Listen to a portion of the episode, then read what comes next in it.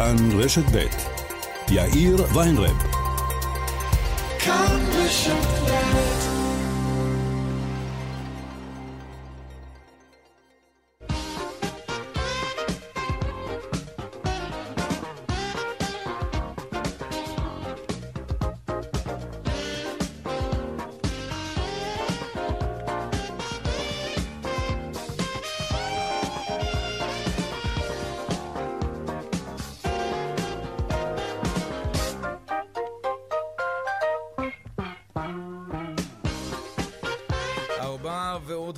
דקות בדיוק, כאן צבע הכסף ברשת ב', יום שלישי, שלום רב לכם, העורך רונן פולק, המפיק היום הוא קובי זרח.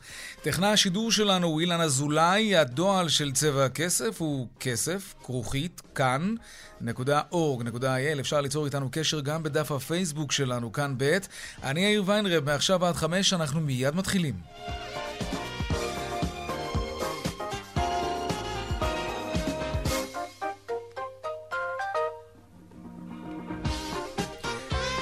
פותחים בחותרות צבע הכסף ליום שלישי, מחיר החיסון. כן, מדינת ישראל שילמה עד עכשיו 2 מיליארד ו-600 מיליון שקלים בעבור החיסונים מפני קורונה, כך חשף נציג משרד האוצר רועי רייכר בדיון בוועדת הכספים של הכנסת. יושב ראש הוועדה, משה גפני, כינס אותה הבוקר לאשר העברה תקציבית נוספת של 2 מיליארד שקלים למשרד הבריאות למימון מבצע החיסונים. הנה כך זה נשמע בדיון. סך העסקאות עד, עד כה היו 2.6 אה, מיליארד שקלים. 2.6 מיליארד שקלים כן. עד היום החיסונים. נכון. וזה כל החיסונים, זה החיסונים גם של פייזר וגם של מודרנה. נכון, גם של אסטרהזניקה, כן. והחיסונים הבריטיים האלה שיש לגביהם עכשיו אה, בעיה באירופה, אנחנו גם הזמנו. אה, התשובה היא... איך השם? אסטרזניקה. כן. התשובה היא... כן, כרגע אני לא... כרגע אני מבין שבאירופה לא משתמשים בהם, וגם אה, יש מספיק חיסונים. אנחנו הזמנו אצלם. כן, יש כרגע מספיק חיסונים שהם לא של החברה הזאת כדי לחסן את כלל האוכלוסייה. כן, שאלה, מה נעשה באמת עם חיסוני אסטרזניקה? בינתיים יש לא מעט מדינות שהקפיאו את השימוש. יש סערה גדולה סביב העניין הזה. ראש סוכנות התרופות האירופית אומר לפני זמן קצר שאין ראיות לכך שהחיסון מתוצרת החברה אסטרזניקה עלול לגרום לקרישי דם. זה היה החשש. שלום יואב זהבי, זריקת הרגעה? שלום יאיר.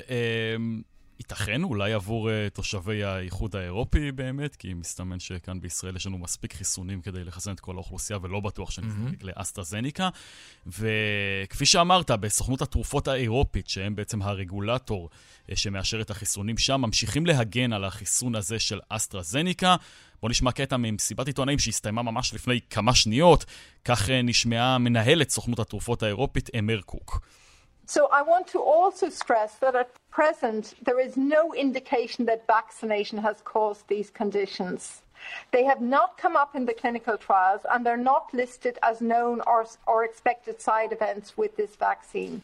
אז אומרים בסוכנות התרופות האירופית שבשלב הזה אין עדות שהחיסון הוא זה שיצר את אותם קרישי דם אה, בקרב אה, מחוסנים באירופה. היתרונות שלו, אומרים, עדיין עולים על החסרונות.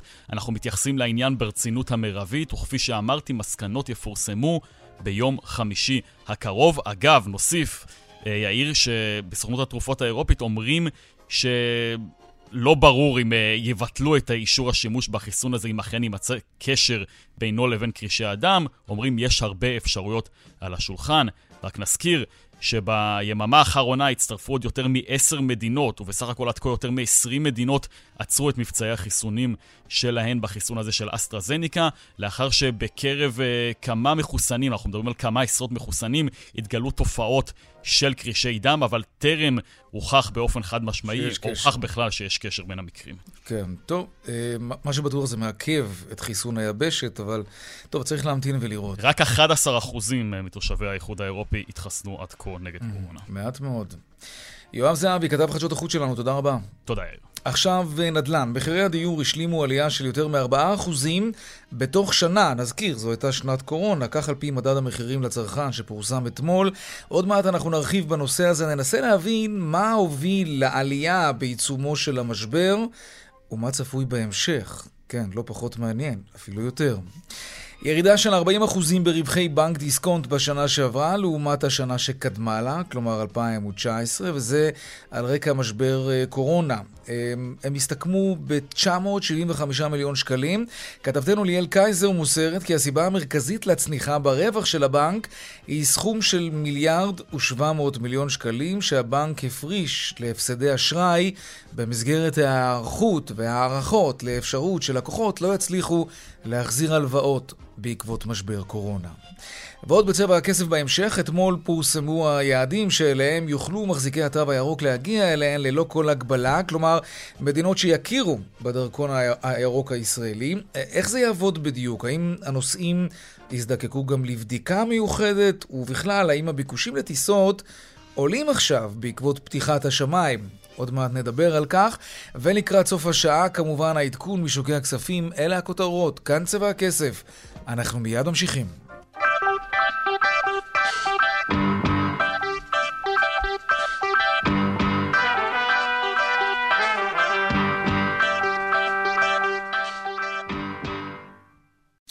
כאן צבע הכסף, פותחים בנדל"ן. מחירי הדירות זינקו בכמעט 9% מאז תחילת 2019, ולא שנת קורונה לא בלמה את עליית המחירים, להפך, המחירים עלו בשנה הזאת סביב ה-4%.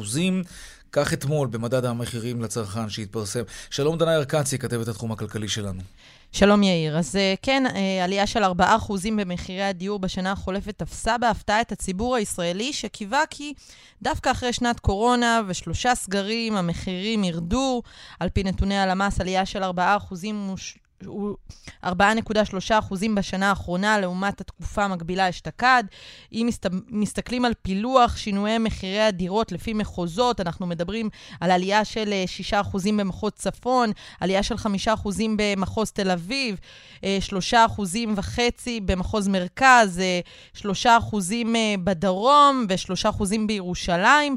הנתונים האלו מגיעים על רקע האטה וירידה בהיצע בענף הבנייה למגורים. למגורים, כאשר על פי הלמ"ס, היקף התחלות הבנייה למגורים בשנת 2020 עמד אה, על ירידה של 3% לעומת שנת 2019, זאת לצד גם ירידה אה, של 7% אה, במספר היתרי הבנייה שניתנו לדירות שהונפקו, וזה גם משהו שאנחנו שומעים מהרבה יזמים וקבלנים על היצע מאוד נמוך. בואו נשמע את מה שאמר לנו אה, מנכ"ל חברת אזורים, רון אבידן. הפער בין היצע הקרקעות שפנויות ושניתן לבנות עליהן לבין הביקושים שלא נפגעו גם בשנת 2020 במהלך הקורונה. הפער הזה הולך וגדל וכתוצאה מזה המחירים ממשיכים לעלות. האשם בכך הוא מי שלא דאג לייצר היצע מתאים. בראש ובראשונה ממשלת ישראל שלא נותנת דגש מספיק לנושא של בעיית הדיור. רשות מקרקעי ישראל שלא משווקת מספיק קרקעות, רשויות התכנון שלא מצליחות לקדם באופן שמספק את הביקושים שנדרשים. התוכניות לוקח להן יותר מדי זמן להתאשר. דנה ירקנצי, כתבת התחום הכלכלי שלנו, תודה רבה. תודה. על הדיווח הזה, ושלום חנן מור, יזם נדל"ן ויושב ראש קבוצת הנדל"ן חנן מור, שלום. שלום וברכה, אחר הצהריים טובים. תראה, הרבה אנשים שואלים את עצמם, לא כל כך מצליחים להבין איך זה מסתדר עם שתי עובדות מרכזיות. קודם כל, כוח הקנייה של הציבור ירד, כן? מאות אלפי מובטלים במשק, גם מי ששמר על משרתו, אה, אתה יודע, לא יודע מה יוליד יום. זו תקופה לא כל כך יציבה מבחינה כלכלית, גם פסיכולוגית כלכלית, כן? ונוסיף לזה כמובן את זה שאנחנו יודעים שבשנה האחרונה הקבלנים התקשו בחלק גדול מהתקופה למכור. איך זה, מילא לא ירדו, איך זה שהמחירים עלו? אני אעשה לך סדר אה, בנושא הזה, כי יש פה תפיסה באמת מוטעית של המצב וקריאת תמונת אה, מציאות אה, לא נכונה. דבר ראשון, בואו נדבר על אלה שנפגעו מהמשבר, ונפגעו הרבה מאוד גורמים ואנשים אה, במשבר הזה, בעיקר עסקים אה, אה, פרטיים, אבל מגזר שלם לא נפגע ומצבו אפילו הוטב. קח את כל ה-700-800 מיליון עובדים במגזר הציבורי. המצב שלהם מוטב. לא נפגע השכר שלהם, הכסף הפנוי שלהם רק גדל כי הם לא יצאו למסעדות, הם לא נסעו לחוץ לארץ, כך שהכסף הפרטי שלהם רק גדל. אם אתה מסתכל על רוכשי הדירות שקונים דירות במהלך השנה, אז המרכיב של אלה שנפגעו כתוצאה מהמשבר הכלכלי שנובע מהקורונה, הוא מרכיב קטן יחסית ברוכשי הדירות. Mm-hmm. ולכן יש פה עיוות שצריך לנתח אותו ביחס למי רוכש דירות ומאיפה הכסף הפנוי. וכמו שאמרתי, אה, אנחנו פשוט נתקלים באנשים האלה במשרדים שלנו ורואים מי הם. Mm-hmm. ואני אומר לך שמי שבא לקנות אצלנו, לכאורה, למרות המצב, אתה רואה שהמצב שלו אה, הכלכלי... הם לא עובדי נמצא. מדינה, בקיצור, עובדי המגזר הם... הציבורי. זה נקודה אחת. Mm-hmm. נקודה שנייה ביחס לקבלנים, וההיצע והביקושים. יש פה משבר אה, שאנחנו בתחילתו בעיניי, בתחילתו בעיניי, אה, לשבע שנים הקרובות, שיש וואו. פה הבנה ברורה היום במדינה ובתקופת כחלון, וב-2011 במשבר, במשבר שהיה ושיצאו לרחובות, שיש פה משבר דיור, שיש צורך להגדיל את ההיצע, כי הביקושים קיימים. ומה אנחנו נתקלים היום? שהביקושים זה המקצוע היחידי שאפשר לנבא 30 שנה קדימה את הביקושים, כי לך לחדרי הלידה ותבין את הביקושים של עוד 30 שנה קדימה. ויש פה בעיית היצע. עכשיו, מאיפה בעיית ההיצע נובעת? אני אספר לך עוד בעיה כאן. היא לא רק התכנון, היא הניהול של הפנים של המדינה. היא ניהול אה, הממשל המרכזי, היא ניהול של הממשל המוניציפלי, ולכן צריך אבא ואימא אחד שיתכלל רגע את כל הבעיות, אני קורא להם, של הענף בצורה מלוכדת, כדי אפשר לספק פתרונות. ולמה אני אומר לך שאנחנו בתחילתו של המשבר? כי אני לא רואה, לא במבנה הפוליטי, עם אף, אף מפלגה היום, אנחנו שבוע לפני בחירות. אף אחד לא מדבר, מדבר על זה. לא כן. מדבר זה היה אחד הנושאים הכי בוערים, מחירי הדיור, אבל עכשיו זה, אתה יודע, כן. קורונה. יותר מזה, כשאני קורא היום את המצע של המפלגות, אני אומר לך שאף אחד לא מתייחס לזה ברצינות. לא. ולא רואה את תגיד, אבל המכלול. יש פה עוד משהו.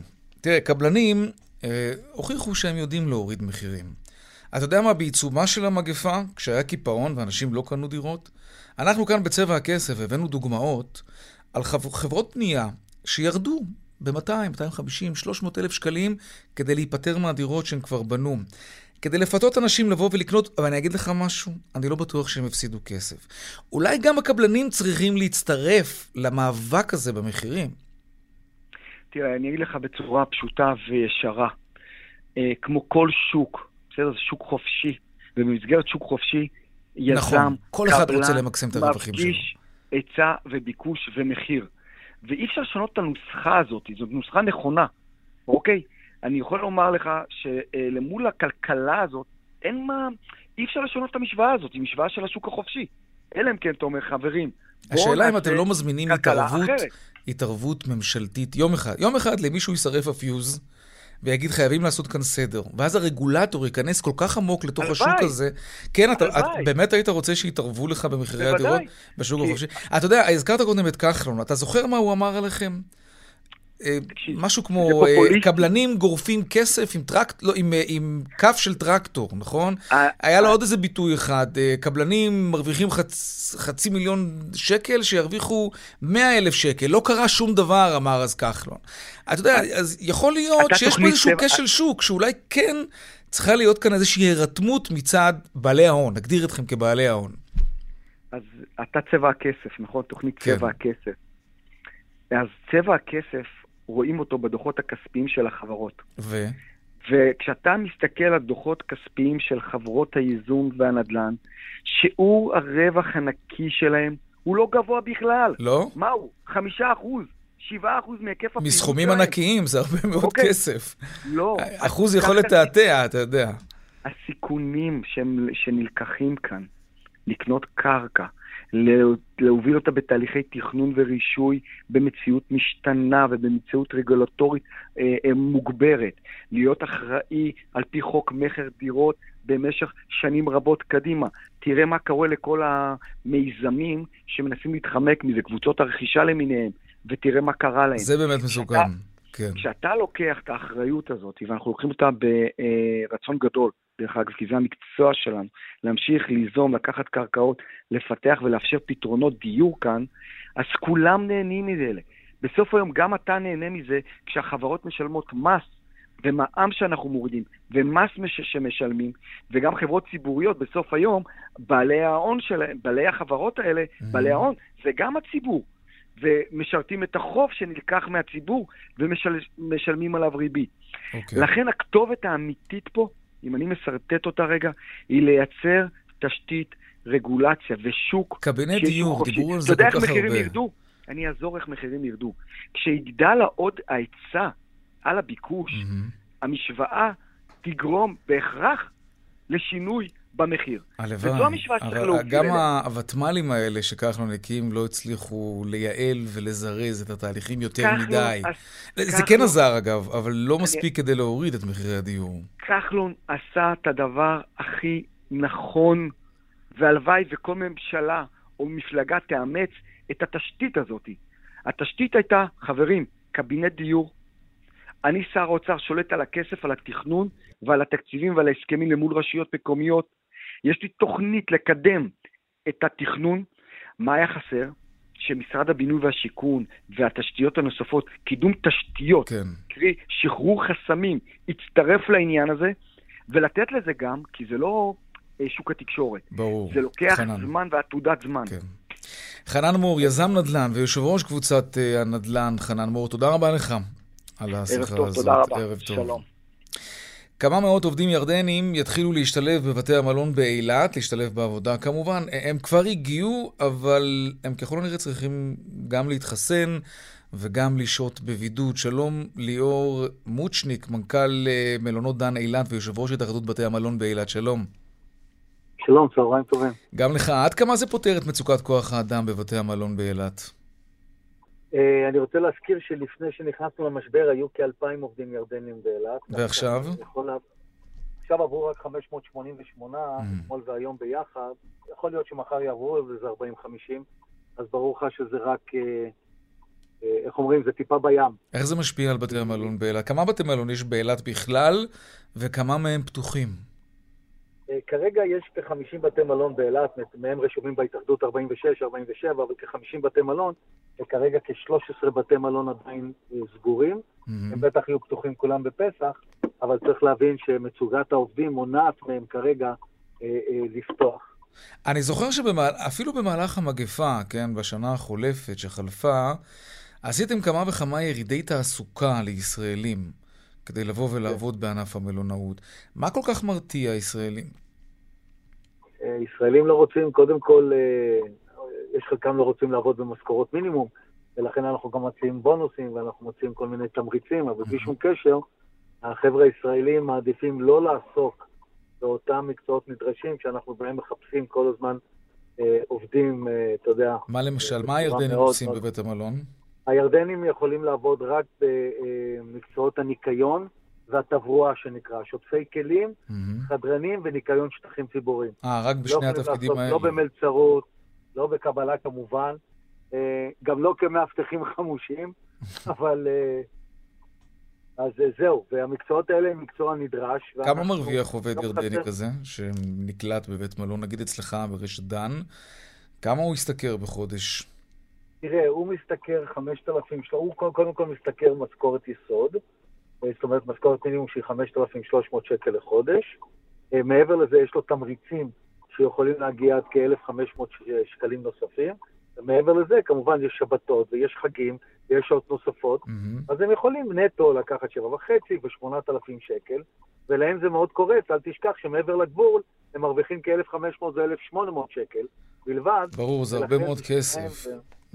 בוודאי, ביחס למקום שממנו הם באים. תגיד, זה הסכם בין שתי המדינות, נכון? נכון, זה הסכם שאומנם אה, אה, כל הנושא הזה התחיל דווקא מהתאחדות מלונות אילת והיוזמה של התאחדות מלונות אילת, אבל בסיוע מאוד מאוד מסיבי של משרד החוץ. תגיד, יש עכשיו קצת קושי להביא משם עובדים בגלל המתיחות שיש בין ישראל לירדן? לא, שום דבר. שתי המדינות היו מאוד מעוניינות. אה, לקח טיפה זמן. צריך גם לקחת בחשבון שמצב התחלואה בירדן הוא רע מאוד. הם כרגע נמצאים מעל 19% מאומתים, בעוד שאצלנו אנחנו מגרדים את השניים, ולכן אה, כל הנושא של הבדיקות ראשונות שהם עשו מעבר לגבול, סיננו את כל המאומתים, אחר כך עשו להם בדיקה נוספת פה, שהם הגיעו, ולאחר מכן גם חיסנו את כולם חיסון ראשון. והם בבידוד עכשיו. ועכשיו הם כולם בעשרה ימים בבידוד. Mm-hmm. נעשה להם בעוד שמונה ימים את הבדיקה הנוספת, ורק אז הם יוכלו ויורשו לגשת לעבודה. והם יישארו כאן הרבה מאוד זמן, הם לא יוכלו לחזור. אנחנו, אנחנו מקווים שהם יישארו רק את החודש ימים, שזה השבוע לאחר החיסון השני, ואז הגבול ייפתח, יוכלו לעבור באופן יומי. Mm-hmm. זה יחסוך לנו המון כסף, כי אנחנו כרגע מלינים אותם, והמתחמי דיור עולים לנו הון עתק. אוקיי, טוב, תגיד, איך הולך עם התו הירוק? אה, מצוין, אה, למי שלא מעגל פינות אז זה מצוין. אנחנו במלונאים לא מעגלים פינות, אני מקווה שעושים את זה כמה עסקים האחרים. אז בגלל שאתם לא מעגלים מאוד... פינות, אתם נתקלים באנשים שבאים ואומרים לכם, לא מעניין אותנו כלום, אנחנו נכנסים, לא, זו לא, הזכות שלנו. לא, לא מעניין. ראינו כל מיני סרטונים לא, לא. כאלה, של אנשים שמאיימים לתבוע איזה עסק שלא נותן להם כן, להיכנס. כן, אני יודע, אני, אני, אני באופן אישי אה, קיבלתי מכתב כזה שמאיים כן? לתבוע. אה, אני, אני, רגע, ספר לנו על זה, לא... מה, זה, מה זה המכתב הזה? מי שלח אותו? שלח uh, מישהו שאשתו הריונית, והרופא נתן לה רק אישור לעשות חיסון ראשון, ולכן הוא כן. מאוד מבקש, הוא מאוד מבקש שאנחנו נאשר לה להתארח גם כן. הסברנו לו יפה מאוד שזה לא תלוי בנו, יש תקנות ויש חוקים. הוא אמר, אה, אני מציע לכם לשקול שוב לפני שאנחנו נפנה להערכאות. הסברתי לו שזה בסדר, הוא יכול... אני מניח, אני, אני לא מניח שהוא עושה את זה אם הוא עובר באור אדום או משהו כזה, אבל זה בסדר. אנחנו, אנחנו מארחים ישראלים בעיקר באילת, אז uh, למרות שחשבתי תמיד שראיתי הכל, אני כל יום לומד משהו חדש. כן, ככה זה נראה. טוב, כן. את, אתם, אתם מכוסים מבחינה משפטית? כי אני חושב שקראנו כאן לא מעט פרשנויות שאומרות שבעלי עסקים כן עלולים להיות חשופים משפטית לתביעה אם הם לא יאפשרו לאדם שלא יתחסן להיכנס. כן, אבל אני רוצה לו, לציין ולהדגיש שהחלטות הממשלה שהתעכבו והתעכבו והתעכבו, הם רק בעקבות זאת שהם התייעצו עם כל, עם היועץ, כל האגף של היועץ כן. המשפטי לממשלה, ורק אז הם קיבלו את הגושפנקה לעשות את ההחלטה כפי שעשו אותה. טוב, תגיד אבל פסח. מניח, אבל, אבל ביום כן. ראשון כנראה, ביום ראשון הקרוב, אה, כנראה שתתפרסמו הקלות, ואנשים שאין להם תו ירוק, זאת אומרת מחוסנים או, או מחלימים, יוכלו גם, תהיה, תהיינה הקלות וכנראה יוכלו, בעקבות, ועם תוצאה שלילית של בדיקה מהירה, יוכלו גם לעשות את זה. אנחנו נשמח לקבל אותם כמובן. יש לך מערך של בדיקות מהירות? עדיין אין לנו באילת מערך של בדיקות מהירות. מי יממן את זה? העירייה, אנחנו... מה? מי יממן את הבדיקות האלה לכשיהיו? אורח שיגיע וירצה, אורח שלא אה, עשה בדיקה של PCR רגילה בתוקף של 48 שעות, והיא בחינם, יוכל להגיע עד לאילת, לעשות בדיקה מהירה, תעלה לו 50 שקלים, 60 שקלים, mm-hmm. 70 שקלים, ואין שום בעיה. אבל אנחנו לא נספוג את זה כמובן, כי עדיין עומדת, אחד, הוא יכול להיות מחלים, שתיים, הוא יכול להיות מחוסן, ושלוש, מעל הכל הוא יכול לעשות בדיקת PCR ללא עלות בבית. נכון. טוב, בואו נדבר קצת על פסח לקראת סיום. אה, כן. מה צפוי? אילו מחירים אנחנו נראה השנה? תראה, אנחנו כרגע, אנחנו, אה, אפשר להשוות אותנו לשנת 2019, כי 2020 כן. בסוף אה, פסח לא התקיים. אז גם התפוסה ואנחנו... מעניינת אותי וגם המחירים. אז uh, כרגע המחירים הם נמוכים בכ-20% מ-2019, מפסח 2019. 20 אחוז. Uh, כמובן, okay. כמו ששמעתי את הרעיון קודם, שהיה עם uh, ענף הבנייה, mm-hmm. אז אתה יודע שהיצע וביקוש תמיד כן. צריכים זה. זה החוק. כרגע זה, זה בתהליכים שזה מתמלא. בימים האחרונים בקצב יותר גובר, ולכן אני מעריך שהמחירים בשלב מסוים יתחילו לעלות. אבל כרגע מי שמזמין עדיין נהנה ממחירים נמוכים יותר משנת 2000. על איזו תפוסה אתם עומדים עכשיו? בכלל, תמונה כללית לחג... באילת, אם, אם יש לך כזו. תמונה, תמונה כללית באילת, הייתי אומר שהפסח כפסח בממוצע, חג ראשון, חול המועד וחג שני, אני מעריך שהוא בין 70 ל-75 אחוז כבר. כבר. סביר להניח שחג ראשון לא יתמלא לחלוטין. דרך אגב, זה כך כל שנה, יש עדיין אנשים שמעדיפים לעשות ליל סדר בבית, זה דבר אחד. נכון. חול המועד תמיד מלא וגם חג שני מלא, ולכן אנחנו מעריכים שבסוף זה יהיה סביב ה-90% ממוצע של כל אחד. ליאור מוצ'ניק, מנכ"ל מלונות דן אילת ויושב ראש התאחדות בתי המלון בעיר באילת, תודה רבה לך על השיחה הזאת. תודה לך ויום טוב. יום טוב גם לך. דיווחי תנועה עכשיו. בדרך החוף לכיוון צפון יש עומס ממחלף געש עד נתניהו וממחלף חבצלת עד מכמורת.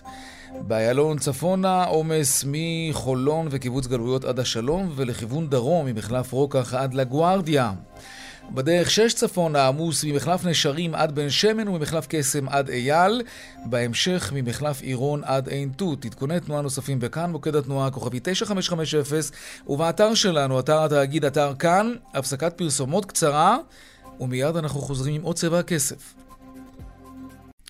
33 דקות אחרי השעה 4, הזכרנו קודם את הבדיקות המהירות, כן, בבתי העסק. בואו נרחיב על זה קצת, איך זה יעבוד, איפה, כמה זה יעלה כמובן. שלום דקלה אהרון שפרן, כתבתנו לענייני בריאות.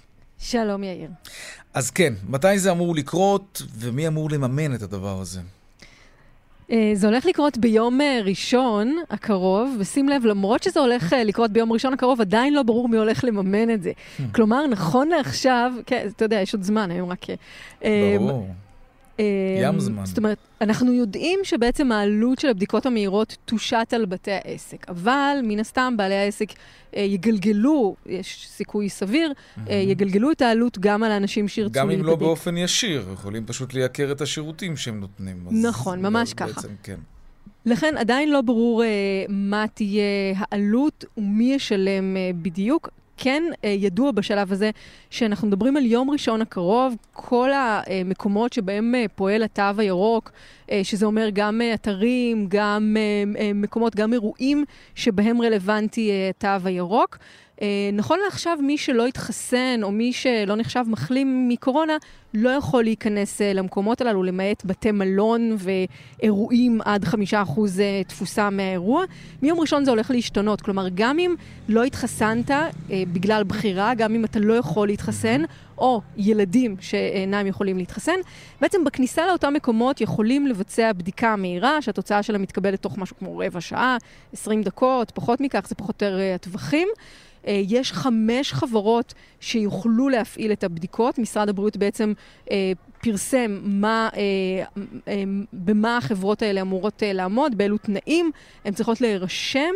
והן צריכות גם להיות בממשק מול משרד הבריאות, מכיוון שברגע שאדם רוצה להיכנס והוא שלילי לקורונה, כך התוצאה שלו תהיה, mm-hmm. הוא יוכל להיכנס לאירוע או למקום, אבל אם התוצאה שלו חיובית, זה כבר מתחיל להיות מעט יותר מסובך, מכיוון שאז יכול להיות שאותו אדם אה, חיובי לקורונה. אני אומרת יכול להיות, בגלל שמשרד הבריאות כיום אה, לא קובע שאדם הוא מאומת לקורונה רק על סמך בדיקה מהירה, בגלל שיש איזושהי בעיה עם אה, האמיתות של הבדיקות החיוביות בבדיקות המהירות. הן לא אמינות אדם, במיוחד.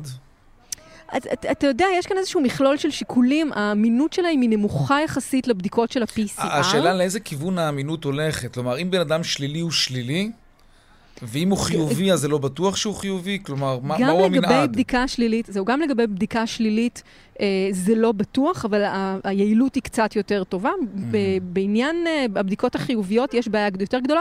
עכשיו, זה משתנה בין הבדיקות השונות, יש בדיקות שבהן זה 80 אחוז אה, אה, ודאות, 86 אחוזים, יש אה, מקומות שבהם זה אפילו 60, ו- 60 אחוזים וקצת. Mm-hmm. כלומר, זה, זה מטוש לכן, אגב? כלומר, זה, זה בדיקה מטוש, כמו שאנחנו מכירים? כן, okay. זאת אוקיי. בדיקה כפי שאנחנו מכירים, אבל הטכניקה שבה, אה, שבה אה, הדגימה הזאת נבדקת היא מעט שונה, ולכן באמת מקבלים את התוצאות יותר מהר. ומה שהדבר הזה אמור לעשות... רק סליחה שאני כותב אותך, קצת בעייתי, כן. אבל בכניסה למסעדה נגיד, פתאום דוחפים לך מטוש כזה, הלך התיאבון.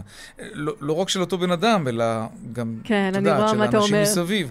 אמ, וגם השאלה, בהמשך למה שאת אמרת, אם יצאתי חיובי, האם אותה חברה צריכה להעביר את המידע הזה הלאה למשרד הבריאות? אני חושבת שזאת אחת הבעיות הגדולות כרגע במה שאנחנו רואים, אה, זאת בעיה שגם אה, אה, בקופות החולים מצביעים עליה במידה רבה, מכיוון שהיום אנחנו דיברנו אצלנו בכאן רשת ב', בתוכנית סדר יום עם ראש שירותי בריאות הציבור, עם דוקטור שרון אלרועי, mm-hmm. והיא אמרה בהקשר הזה שהחברות שבעצם מבצעות את הבדיקות ובתי העסק, בעצם הם יהיו מחויבים להעביר את המידע על בדיקות חיוביות למשרד הבריאות. Mm-hmm. הממשק לדבר הזה עדיין אה, לא פעיל, כלומר זה משהו שאמור להתחיל לפעול בקרוב, אבל עדיין אה, זה, זה לא משהו שאפשר להגיד שהוא פועל במאה אחוזים. עכשיו, אותו בן אדם גם צריך ללכת לעשות בדיקת PCR כדי לוודא שהוא חיובי, וגם הוא אמור להיכנס לבידוד. Mm-hmm. איך בדיוק זה ייאכף, איך בדיוק זה יעבוד, זה לא לגמרי אה, ברור, אבל אתה יודע, אתה ציינת גם את העניין של האמיתות אה, של הבדיקות, כלומר, עד כמה הן מהימנות, וגם את העניין הזה שבעצם צריך לחזור על בדיקה חיובית. מנגד אומרים לנו במשרד הבריאות, תשמעו, מה עדיף? כלומר, אם יש כאן איזושהי אפשרות לשחרר ולתת לאנשים שלא יכולים להתחסן ו- או, וכולי, או לילדים להיכנס, אז אנחנו בעצם רוצים לאפשר את הדבר הזה, למרות הבעייתיות שיש בכך, למרות uh, המהימנות, למרות uh, הממשק שעדיין אולי הוא לא מושלם, כדי לנסות להניע את הדברים הללו עוד uh, קדימה. כאמור, ביום ראשון הקרוב זה אמור לפעול. מי שמבצע את הבדיקות, אגב, זה לא אנשי הצוות של בית העסק, אלא דוגמים שהוכשרו לכך מטעם מי שמספק את הבדיקות המהירות. זאת הולכת להיות אופרציה די רצינית, כאילו, אני מנסה לחשוב על הרבה מאוד בעלי, בעלי עסקים שירצו, נאמר, את הדבר הזה. כדי להגדיל את מספר הלקוחות שהם יכולים להכניס, האם החברות יכולות לעמוד בהיקף העבודה הזה ולשלוח נציגים לכל, לכל בית עסק? זה מדובר בהיקפים ענקיים. זאת שאלה מצוינת. תראה, זה גם בגלל שזה עולה כסף, אה, אז אומרים בשלב הראשון שאולי לא, לא כל בתי העסק יבקשו את השירות הזה, אבל בגלל זה גם היה מכרז של משרד הבריאות, בגלל זה יש כרגע, כאמור, כן. חמש חברות שאמורות לעשות את זה. מקווים ש, שכן יעמדו בביקוש, וצריך לראות גם, אה, כפי שאתה תיארת בצורה מאוד, אה, מאוד פיגורטיבית, בוא נגיד, את האנשים שיושבים במסעדה ולידם אנשים אחרים דוחפים מטוש, כן. אני צריך גם לראות מה יהיה הביקוש לזה כמובן מצד הציבור. ברור. דקלה אהרון שפרן, כתבתנו לענייני בריאות, תודה רבה לך על השיחה הזאת. תודה, רגע לפני פסח, בהתאחדות האטרקציות אומרים שהם לא מקבלים את מתווה הפתיחה של האטרקציות, והם מתכוונים לפתוח את האתרים כבר ביום שישי הקרוב, ועל פי מתווה התו הסגול. שלום יואב בן ארצי, הבעלים של פארק שביל התפוזים, שלום לך. שלום וברכה. מה אומר המתווה של משרד הבריאות לגביכם? למה אתם לא מקבלים אותו? המתווה הוא בעצם אה, מתווה בלתי אפשרי לחלוטין. המתווה שהתפרסם לפני אה, יומיים או שלושה אומר קודם כל שכל המקומות הסגורים לא יכולים להיפתח באופן קטגורי, ולגבי מקומות, מקומות פתוחים, כמו שביל התפוזים לדוגמה, אה, הוא מציב שם כמה מקומות שכן יכולים להיפתח, כמו פיינטבול או איזושהי אומגה בין צוקים, אבל אז הוא בסוף, אחרי אה, מסמך של עשרה עמודים, אה, כותב משפט אחד שמייתר בעצם את כל עשרת העמודים שלפניו, שכל האמור לא כולל פארקי שעשועים, פארקי מים או מתחמים שיש בתוכם מתקני שעשועים. מה שאומר בעצם 95, 95 מהטקטיות לא יכולות לפתוח על פי משרד. כך זה נשמע באמת. ככה זה בדיוק. אבל, אבל למה? אני מניח ששאלתם את השאלה מה מבדיל אתכם מפעילויות אחרות בבתי עסק אחרים. מה, מה מייחד אתכם שלא מאפשר לכם, לפי משרד הבריאות, לפתוח? שאלנו הרבה שאלות, אבל לא, לא קיבלנו תשובות בכלל. אני מניח שמה שמשרד הבריאות יגיד, שמה שמייחד אותנו זה הילדים. אבל לפי ההיגיון שלהם, הילדים צריכים להסתגר בבית ולהיות עטופים בשמיכה או בצמר גפן ולא לצאת מהחדר. ואנחנו רואים, מי שמסתובב, רואה שכל ה, המדינה רוכשת בילדים, וטוב שכך, אבל משום מה, אה, כשזה נוגע לאטרקציות, אז הס מלהזכיר. Mm, תגיד, ואם למשל יאפשרו לכם לפתוח אפילו באופן גורף, ובתנאי שתערכו בדיקות מהירות ללקוחות שלכם, זה, זה ממשיך, את ה, ממשיך את האייטם האחרון, זה בלתי אפשרי לחלוטין. למה? מהמון בחינה, אבל נתמקד בבחינה הכלכלית, כרטיס לאטרקציה, עולה בין 30 ל-70 שקלים. הבדיקה שרוצים להשית את העלות שלה על בעל העסק עולה בערך 60 שקלים. תעשה את המתמטיקה הפשוטה בעצמך. ו... אז תסבסדו את זה, הרי זה עדיף מאשר להיות סגורים, כן? שמי יסבסד? בעל... כלומר, תראה, אם אתה רוצה שלקוח שלך ישלם 140 אה, שקל במקום 70 שקל, אז יכול להיות שאתה תרחיק לקוחות. אבל אם למשל תיקח חלק מהעלות עליך, כלומר תייקר מעט את, את הכרטיס כניסה לאטרקציה, ותשית על הלקוח בדיקה ב-20 שקל, יכול להיות שאנשים כן יבואו. אף אחד... שוב, ההבדל, המתח רווחים פה הוא כזה, שזה גם בלתי אפשרי, כי שוב, כרטיס לאטרקציה, כרטיס ממוצע עולה בערך 40 שקלים, 40-50, הבדיקה עצמה עולה יותר מהכרטיס. היית מחלק את זה ב-50 הבדיקה אמורה לעלות 50 שקלים. אוקיי, אז גם ה-25 שקלים האלה, היית, גם ככה, אני מזכיר לך שגם ככה הכמות אה, אנשים שאנחנו רשאים להכניס הם בערך, בערך חצי ממה שאנחנו מכניסים בזמנים רגילים. כך שזה לא עומד בפני שום מודל כלכלי. זה פשוט בלתי אפשרי. אז אתם ביום אה, שישי מתכוונים לפתוח מה שלא יהיה. אה, באופן גורף כן, יכול להיות שכל אטרקציה אה, תעשה את החשבון שלה, כן, וגם לא כולם אמורים לפתוח ביום שישי, חלקם רק בחול המועד, כמו סביל התפוצים לדוגמה, אבל בסופו של דבר אה, לא משאירים לנו הרבה ברירה. ממש, אנחנו הענף האחרון ש... שנותר סגור, בלי שום סיבה אמיתית נראית לעין או הגיונית, וכל המאמצים שלנו ושל התאחדות האטרקציות כרגע כמה חבל. חיכיתם כל כך הרבה זמן לעניין הזה. אנחנו כבר יותר משנה סגורים. יואב בן ארצי, הבעלים של פארק שביל אה, התפוזים, אה, נאחל לך שזה בכל זאת יסתדר איכשהו ונמצא את, את השביל הנכון ללכת בו כדי לפתוח גם את האטרקציות שבאמת נשארו אחרונים. תודה רבה. תודה. רבי ימינו. כן, תודה לך. טוב, אה, ישראל מנהלת מגעים עם מספר מדינות, כולל קפריסין, יוון, אה, רוסיה, איחוד האמירויות, כדי לאפשר מעבר חופשי של ישראלים מחוסנים ומחלימים כמובן, ללא בידוד וללא בדיקות. שלום זיו רוזן, מנכ"ל קבוצת גוליבר. שלום יאיר. מה המצב כרגע? לאן אפשר או אי אפשר לטוס מישראל? תראה, יש את הטכניקה ויש את המעשי. Mm-hmm. בטכניקה, האמת שהיום בדיוק חל, חל עוד שינוי, בעצם 11 יעדים שלהם היו טיסות ישירות, הממשלה אישרה לפתוח בעצם את כל העולם, ניתן לטוס לכל נכון. מקום. כמובן בתנאי שהעולם מוכן לקבל אותנו, זה קורה בכל מקום. וברוב המדינות, גם אם מקבלים, זה דורש או תעודת אה, חיסון או בדיקת קורונה שלילית.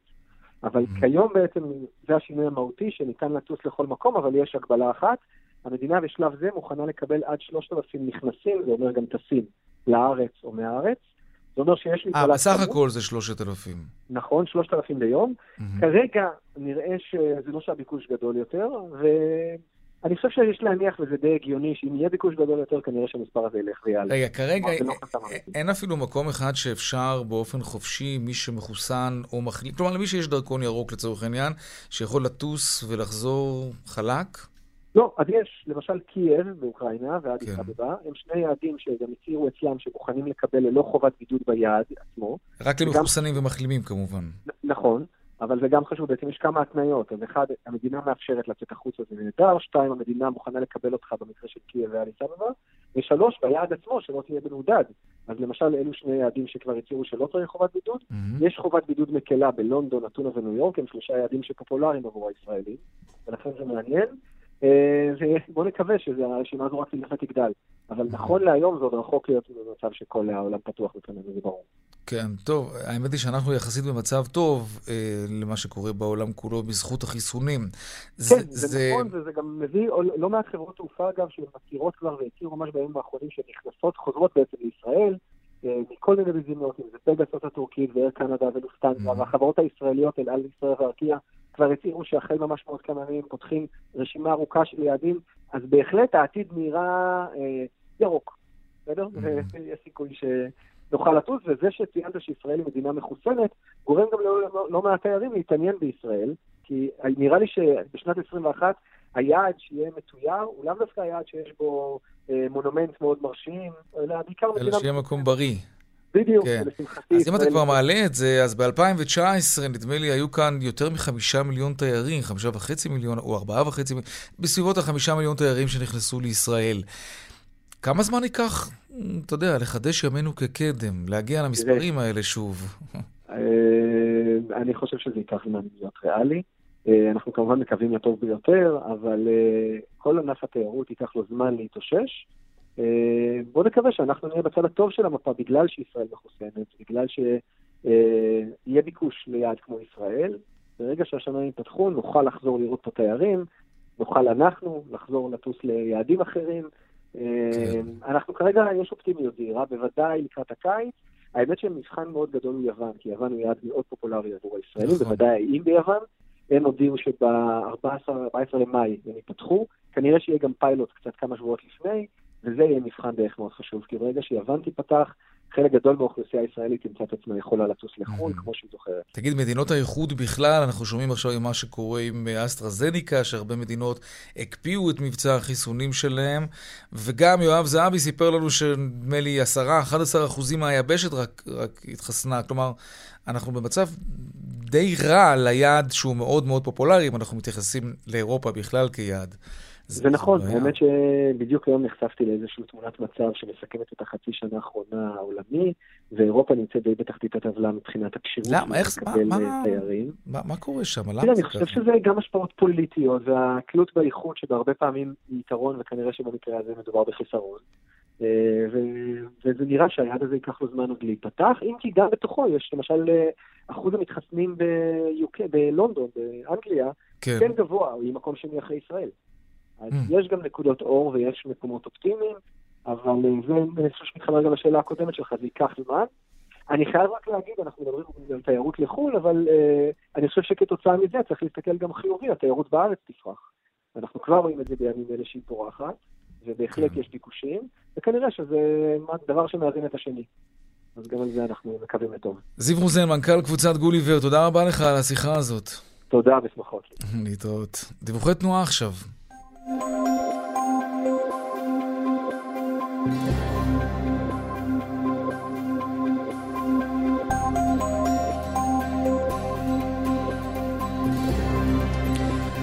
66 לכיוון דרום אה, עמוסה מדרך עוז עד צומת מגידו. בגאה צפונה יש אה, עומס ממחלף השבעה עד גבעת שמואל ודרומה ממחלף מורשה עד גאה. דרך חמש מערבה עמוסה ממחלף קסם עד הכפר הירוק. עדכוני תנועה נוספים בכאן מוקד התנועה כוכבי 9550 ובאתר שלנו, אתר התאגיד, אתר כאן, הפסקת פרסומות קצרה ונחזור עם העדכון משוקי הכספים. עכשיו לעדכון משוקי הכספים. 200, take them. שלום אייל ראובן, בעלים ומנכ"ל ארנינגס השקעות. שלום, שלום יאיר. מה שלומך? מה שלום השווקים? שלומנו טוב, שלומנו בצבע הירוק, אה, מגמה, תשמע, אנחנו בתקופת הדוחות, אנחנו נמצאים ממש בשיאה, היום mm, קיבלנו היה הרבה מתח סביב זה, כן, לקראת זה. בדיוק. מבול של דוחות. התחלנו עם הדוחות בש... לפני כשבועיים, הבנקים התחילו והציגו דוחות חיוביים שמצביעים בסך הכל על מצב המשק, הרי הבנקים הם שיקוף של הפעילות הכלכלית, אז היום אנחנו כבר עם חברות יותר ריאליות בסך הכל, גם בארצות הברית, גם פה. אנחנו רואים דוחות שהם טובים מהצפוי. והתוצאות האלה ממשיכים לתמוך אה, מגמה חיובית, עם שיאים אתמול בבורסה האמריקאית. היום אצלנו אה, במסחר גם מסחר חיובי, השיאים האלה משפיעים גם על המזרח, המזרח סיים, אה, סיימו את הניקי, עלה בכחצי אחוז, המדד בשנגחאי עלה בשמונה עשיריות האחוז. אצלנו גם המדדים סביב החצי אחוז עלייה, תל אביב 35 ותל אביב 125 בארבע עשיריות האחוז כלפי מעלה. החברות הבולטות אצלנו היום זה חברת הנדל"ן פרשקובסקי עם דוחות טובים, 4% למעלה. עוד פרסמה דוחות היום, וואן טכנולוגיות, שעלתה באחוז ושמונה עשיריות, שהרווח הנקי שלה קפץ ב-48% ברבעון הרביעי. אייס, הנהנית מהקורונה, עלתה ב-10% היום, גם בעקבות דוחות שהצביעו על זינוק ברווח של 360 אחוזים. וגם תל רד נהנתה ממשבר הקורונה ועלייה בביקושים במגזר הפתרונות תקשורת וה-IT ועברה ב-2020 לרווח נקי של 8.6 מיליון ועלתה היום בשלושה אחוזים וארבע עשיריות. גם במגרש הסולידי, מגרש אגרות החוב, אנחנו רואים מגמה חיובית, המשך מגמה חיובית, הטלבונד 20 בשלוש עשיריות האחוז, הטלבונדים בסביבות שלוש עשיריות האחוז והשקלי הממשלתי בסביבות העשירית האחוז, גם אירופה באזור החצי אחוז אה, אה, עליות, וגם ארצות הברית אה, פותחת אחרי השיאים של אתמול, פותחת עם נסדק שממשיך צפונה, מניות הטכנולוגיה שעולות בממוצע מדד הנסדק באחוז, דאו ג'ונס יורד בשתי עשיריות וה-S&P בסביבות הפלוס של שלוש עשיריות. הדולר אצלנו חוזר להיחלש, חמישה ימי המסחר האחרונים נחלש, נחלש גם היום, השאיל עוד שליש האחוז. ונסגר בסביבות 3 שקלים 29, עכשיו הוא ב-3.3 במסחר הרציף, והיורו ירד בשתי עשיריות האחוז ל-3 שקלים 94 אגורות. אייל ראובן, בעלים ומנכ"ל ארניקס השקעות, תודה רבה לך. על הסקירה הזאת בשוקי הכספים. עד כאן, צבע הכסף ליום שלישי. העורך רונן פולק, המפיק קובי זרח, טכנאי השידור אילן אזולאי, במוקד התנועה הייתה חגית אלחייני, בדיגיטל אבי אריש. הדואל שלנו, כסף כרוכית, כאן.org.il. מיד אחרינו שלי וגואטה. אני יאיר ויינדריב, נשתמע כאן שוב מחר בארבעה אחר הצהריים. ערב טוב ושקט שיהיה לנו. שלום שלום.